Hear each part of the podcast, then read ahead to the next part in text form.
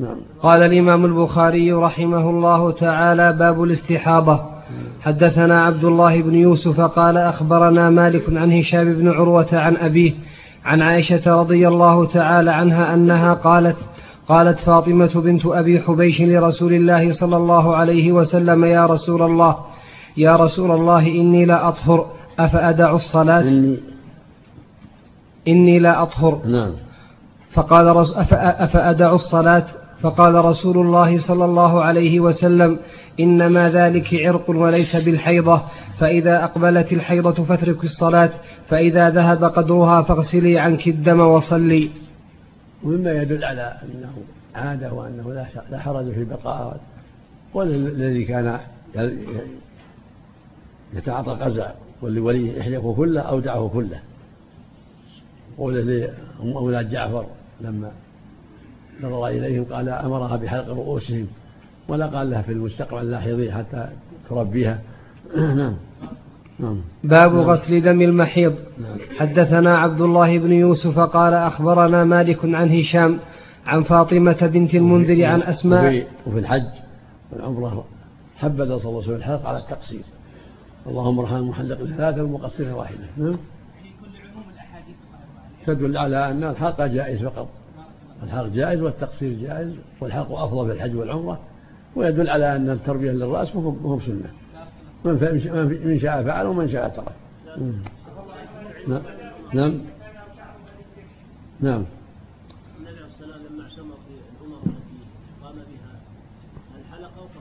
نعم. هل حلق عليه الصلاه والسلام؟ المعروف إنه قصر في العمرة قصر. نعم. وأمر الن- المتمتع في- بالتقصير لأن الحج قريب لكن في العمر أما المعروف في عمره جعرانه أنه قصر. وعمره القضاء ما اتذكر فيها شيء. نعم. الحديبية حلق. نعم. الحديبية حلق. نعم. يقول لم يحلق في الحديبية؟ يدعو حالقا. لما صد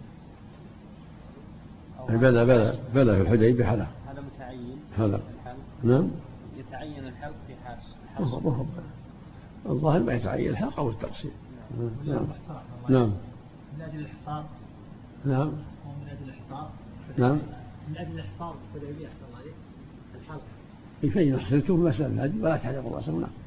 إذا أحسن يحلق ولا يقصر ويحل بعدما يهدي. يهدي ثم يحلق أو يقصر. نعم. عليك. نعم من أجل الإحصار نعم. باب غسل دم المحيض. حدثنا عبد الله بن يوسف قال أخبرنا مالك عن هشام عن فاطمة بنت المنذر عن أسماء بنت أبي بكر رضي الله تعالى عنهما أنها قالت سألت امرأة رسول الله صلى الله عليه وسلم فقالت يا رسول الله أرأيت إحدانا إذا أصاب ثوبها الدم من الحيضة كيف تصنع؟ فقال رسول الله صلى الله عليه وسلم إذا أصاب ثوب إحداكن الدم من الحيضة فلتقرصه ثم لتنضحه بماء ثم لتصلي فيه. بل تنضح أمر نعم نعم. مم. حدثنا أصبغ قال أخبرني ابن وهب قال أخبرني عمرو بن الحارث عن عبد الرحمن بن القاسم حدثه عن أبيه عن عائشة رضي الله تعالى عنها قالت كانت إحدانا تحيض ثم تقترص الدم من ثوبها عند طهرها فتغسله وتنضح على سائر على سائره ثم تصلي فيه. وهذا هو الواجب على المرأة إذا أصابها شيء من الدم تغسل ما أصابه وتصلي في ثوبها والحمد لله.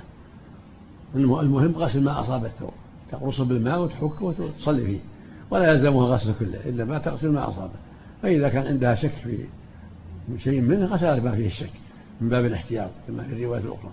المقصود أن الواجب غسل محل الدم ولا يلزمها غسل الثوب كله. نعم. أحسن الله إليكم. المرأة إذا رك- أركبت وو- لولب أحسن الله إليكم ثم نزل معها دم يسير يكون استحاضة أم يكون حيضا؟ تراجع تراجع العادة ما جاء في وقت العادة تترك الصلاة فيه وما جاء في غير العادة فهو استحاضة دم فساد. نعم. نعم. نعم. وتضطرب عادتنا مع هذا ولو تراعي العادة ولو نعم. أمر أن تراعي العادة. نعم. باب الاعتكاف للمستحاضة. حدثنا إسحاق قال حدثنا خالد بن عبد الله عن خالد عن عكرمة عن عائشة رضي الله تعالى عنها أن النبي صلى الله عليه وسلم اعتكف معه بعض نسائه وهي مستحاضة ترى الدم فربما وضعت الطست تحتها من الدم وزعم أن عائشة رأت ماء العصفر فقالت كأن هذا شيء كانت فلانة تجده. وهذا يدل على المستحاضة لا حرج عليها في دخول المسجد والصلاة مع المسلمين والإعتكاف لأنه غير الحد من الحيض ما تسمى حائض لها أحكام الطاهرات في كل شيء. نعم. حدثنا قتيبة قال حدثنا يزيد بن زريع عن خالد عن عكرمة عن عائشة رضي الله تعالى عنها قالت اعتكفت مع رسول الله صلى الله عليه وسلم امرأة من أزواجه فكانت ترى الدم والصفرة والطست تحتها وهي تصلي. وهي زينب رضي الله عنها بنت جحش. نعم. نعم. الله أكبر. الله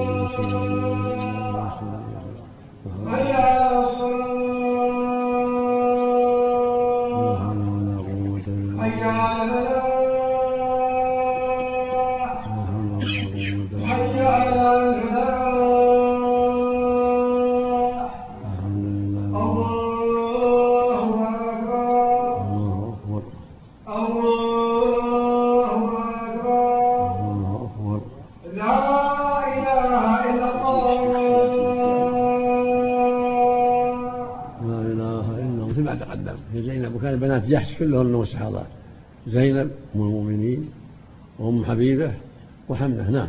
باب هل تصلي المرأة في والاستحاضة يكون الدم يسير معها دائم. مثل السلف. هذا حدث دائم. تصلي وتصوم وتحل لزوجها وتوضأ لكل صلاة. إذا كان معها الدم دائم عليها أن تصوم وتصلي كالطاهرات وعليها أن توضأ لكل صلاة. إذا دخل الوقت توضأ. ولا تزال في طهارة ولو خرج الدم حتى ينتهي الوقت. ما دامت الوقت تصلي وتقرأ القرآن تمس المصحف حتى ينتهي الوقت فإذا خرج الوقت لزمها أن توضأ للوقت الثاني وهكذا. ما دام معها ما دامت الاستحاضة معه. نعم. لها أن تجمع عفى الله عنه. نعم. لها أن تجمع. نعم. تجمع بين الصلاتين. ولها أن تجمع إذا ذات حاجة هذا لها أن تجمع كما أذن لحمله نعم. طالب العادة الله يحسن عمل نعم. بين أن تكون سبعة سبعة أيام في الشهر أربع سنين. ثم تنتقل إلى 15 يوم أربع سنين أخرى. قد يحصل هذا للنساء. والله أعلم. قد يرى.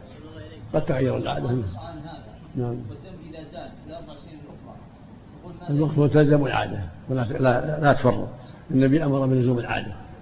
حتى أن تلزم عادتها وما زاد هو استحارة. تصلي وتصوم والحمد لله. نعم. نعم جمعها إذا اغتسلت أو مطلقا نعم. تغتسل مثل ما أمر حمزة أمر حمزة رضي الله عنها تغتسل الصلاتين سنة والواجب الوضوء لكن الغسل غسل مستحب. تجمع وتغتسل أفضل إذا شق عليها الأمر. لكن لها أن تجمع بدون اغتسال نعم الأفضل الغسل. السنة لا ولا ما هو بواجب الواجب عليها غسل غسل الحيض الحيض فقط لكن سؤالي أحسن الله إليك عن الجمع الجامع الغسل أفضل ولو جمعت بين الغسل صح. نعم. باب هل تصلي المرأة في ثوب حاضت فيه؟ حدثنا أبو نعيم قال حدثنا إبراهيم بن نافع عن ابن أبي نجيح عن مجاهد قال قالت عائشة رضي الله تعالى عنها ما كان لإحدانا إلا ثوب واحد تحيض فيه فإذا أصابه شيء من دم قالت بريقها فقصعته بظفرها. الله نعم. باب- يعني حكته يعني حكته ثم ثم تغسله كما قال في حديث الآخر حديث فاطمة. حديث حبيبة أيضا. ثم تحكه بالماء ثم تغسله بالماء نعم. ب- ذكرها للريق فقط. ها؟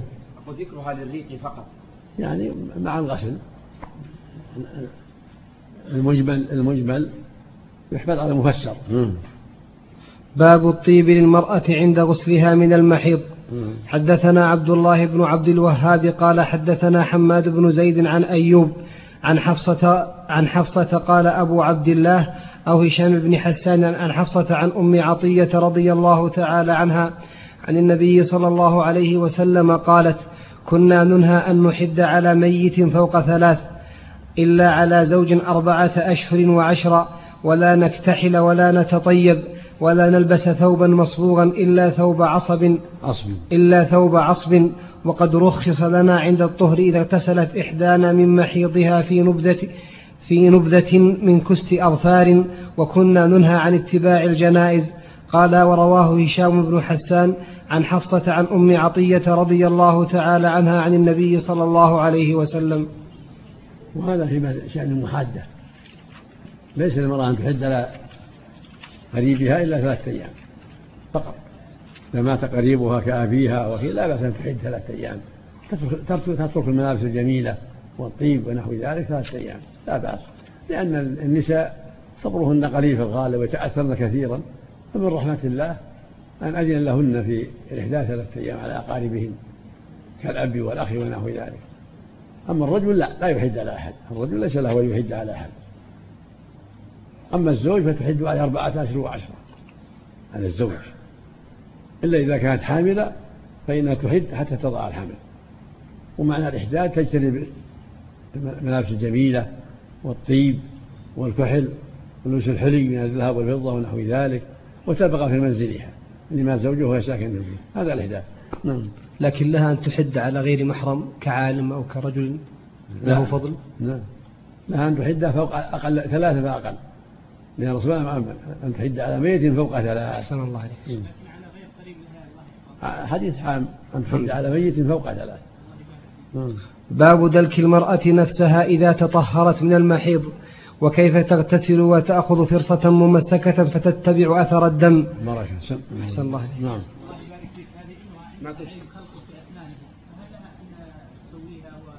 نعم إذا كان علاج لا بأس. المنهي عنه التفريج الحسن. نعم أما أحسن, الله.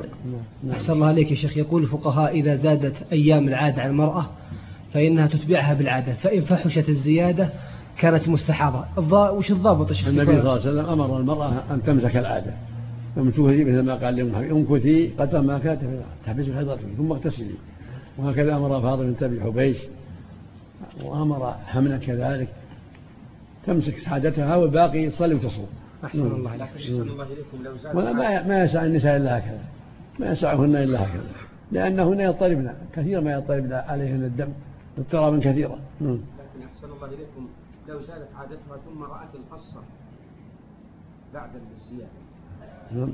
رأت القصة البيضاء بعد الزيادة. عادتها خمس ثم زادت ثمان وترى القصة بعد الثمان.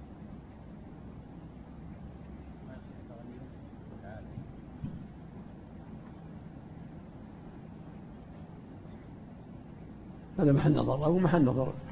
قد يقال الزيادة المتصلة التي من جنس دم الحيض قد يقال عنها يسيرة لكن ما ينضبط الأمر.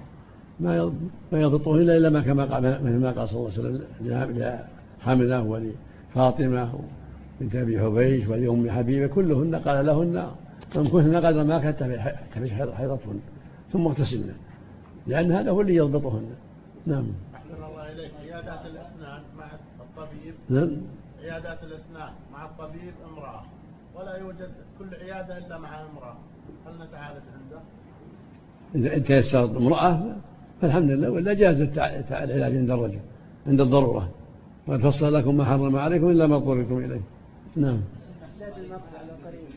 نعم. إيه نعم.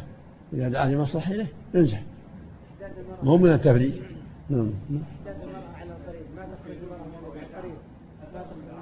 لها لها أن تحج. لها أن تبقى في بيتها ولها أن تلبس ملابس جميلة. آه. ثلاثة أيام. نعم. نعم. نعم. لها الخروج. المدرسة تخرج لحاجاتها. هذه من الحاجات. تخرج التدريس أو موظفة أو طالبة. هذا من الحاجات. لكن من غير من غير تجمل ولا طيب ولا نعم. نعم